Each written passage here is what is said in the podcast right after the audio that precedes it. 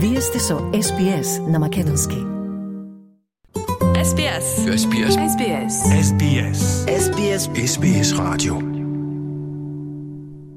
Веќе 133 години бронзениот споменик на поранешниот премиер на Тасманија, Вилиам Краутер, стои во центарот на Хобарт, на плоштадот Френклин. Но таа гледка е непријатна за многумина.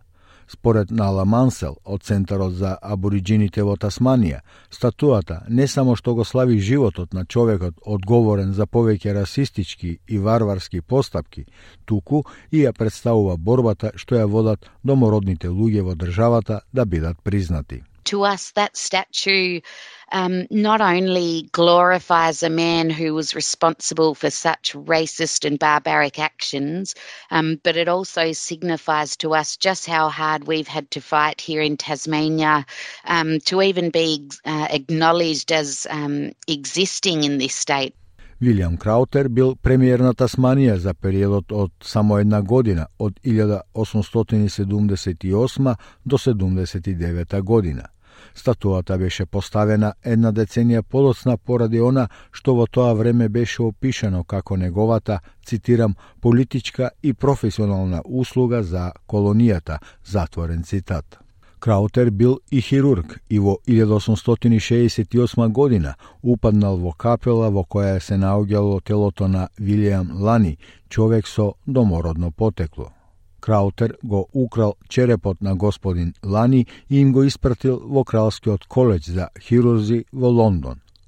Краутер бил одговорен за обезглавувањето и осакатувањето на овој маж поради неговата раса во обид да го повтори расистичкиот мит дека тасманиските абориджини повеќе не постоеле, а тој став беше поддржан од страна на владата на Тасманија до 80-тите години од минатиот век, објаснува Нала Мансел.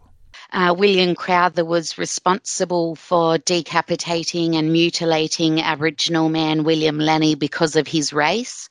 Uh, he did this in an attempt to perpetuate the racist myth that Tasmanian Aborigines no longer existed in this state, um, a racist view that we've seen um, supported by the Tasmanian government right up until the 1980s. Вилјам Лани, како и многу луѓе домородни лица од Тасманија по колонизацијата, бил протеран на островот Флиндерс како дете. Многу абориджини од Тасманија умреле на островот, но тој преживеал. Подоцна тој работел како китоловец во близина на Хобарт и починал во 1868 година на само 34 годишна возраст. Посмртните останки на Лани беа вратени во земјата во 90-тите години од минатиот век. Неодамна Хобарт гласаше со 7 спрема 4 за отстранување на статуата на Краутер. Градоначалничката на Хобарт, Ана Рейнолдс, вели дека со години домородната заедница од Тасманија објаснува дека тоа што статуата го представува не треба да е гордо лоцирана во центарот на градот. Таа вели дека одлуката е важен чекор кон помирувањето и раскажувањето на поискрена и вистината историја за тоа што се случило во Хобарт. Uh, it is a step towards reconciliation with the Tasmanian Aboriginal community, who have said for many years that this statue and what it represents should not be in such a premier place uh, in our civic square, our central civic square. So it is, it is an important step towards reconciliation and an important step towards telling a much more honest and truthful uh, history of what happened in Hobart's colonial past. Советот верува дека ова е првпат Австралиски совет да одлучи да отстрани колонијален споменик. Членовите на Советот планираат да ја заменат статуата со друго поинклузивно уметничко дело. Ана Рейнолдс вели дека не станува збор за бришење на историјата, но за преместување на историјата. Таа вели дека статуата ќе биде третирана со почет и заменета со ново уметничко дело, што представува поискрена и поширока верзија за тоа што се случило во тој дел од историјата. This is not uh, anything about deleting history.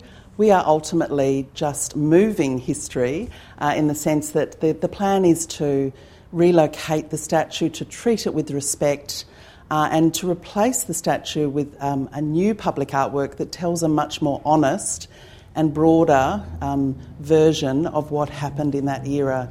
Советот сега ќе разговара за еднината на статуата со музеот и уметничката галерија на Тасманија. SBS. SBS. SBS. SBS. SBS. SBS Radio. Сакате ли да чуете повеќе прилози како овој? Слушате подкаст преку Apple Podcasts, Google Podcasts, Spotify или од каде и да ги добивате вашите подкасти.